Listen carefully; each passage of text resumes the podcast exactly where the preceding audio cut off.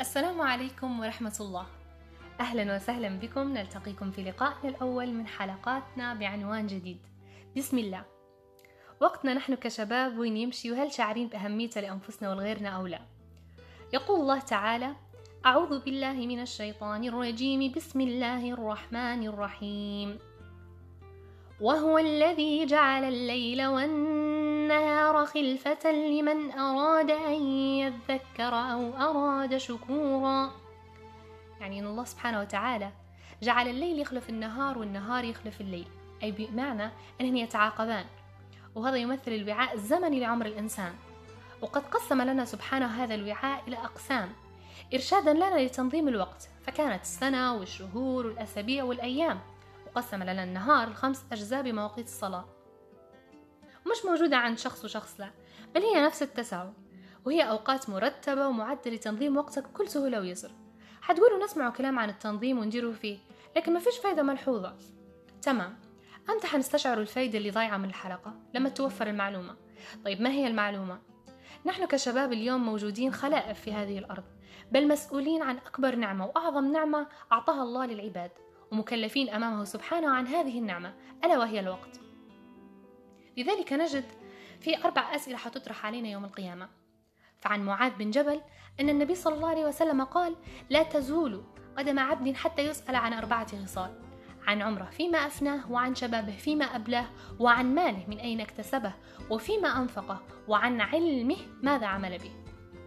هنا يسأل الإنسان عن عمره عامة وعن شبابه خاصة. ليش مرحلة الشباب مرحلة مهمة؟ وتستدعينا للفت الانتباه لها والشعور بقيمتها. لأنها هي سن الحيوية والعزيمة والتحقيق يكون فيها متوالي وهي ذاتها مرحلة القوة بين الضعفين. كيف يعني؟ لي ضعف الطفولة وضعف الشيخوخة. في قول الله تعالى الله الذي خلقكم من ضعف ثم جعل من بعد ضعف قوة ثم جعل من بعد قوة ضعفا وشيبا.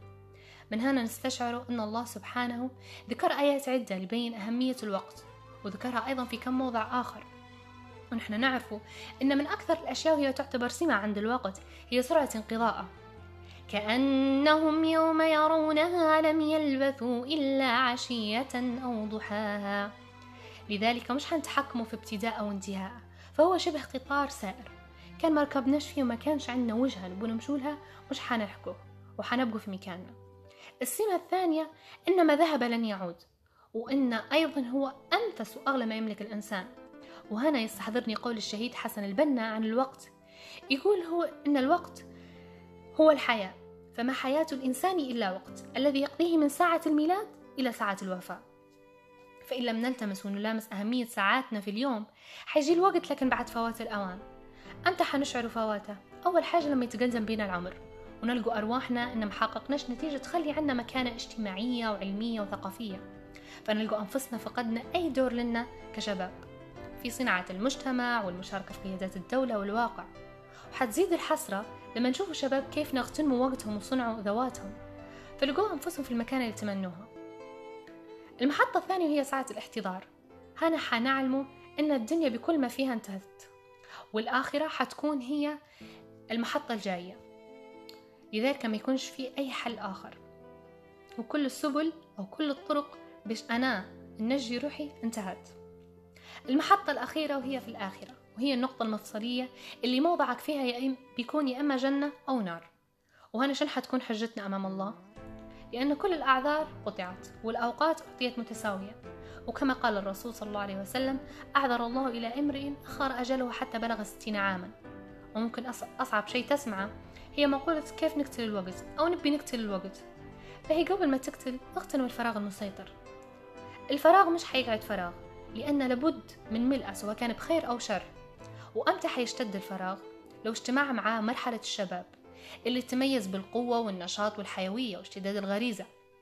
وهنا حتكون الخطورة اللي هي نحن الآن اللي موجودين فيها الآن وهي اللي مسببة ضياع كبير جدا. من الأدعية والأذكار اللي علمها لنا النبي صلى الله عليه وسلم اللي يقولها الواحد ويذكر بها من حوله. اللهم أعوذ بك من الهم والحزن وأعوذ بك من العجز والكسل.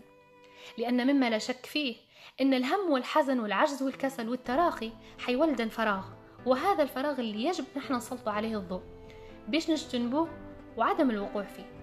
وختاما مثل ما قال الحسن البصري يا ابن آدم إنما أنت أيام مجموعة. كلما ذهب يوم ذهب بعضك. إلى هنا تنتهي حلقتنا. استودعتكم الله وفي أمانه وحفظه.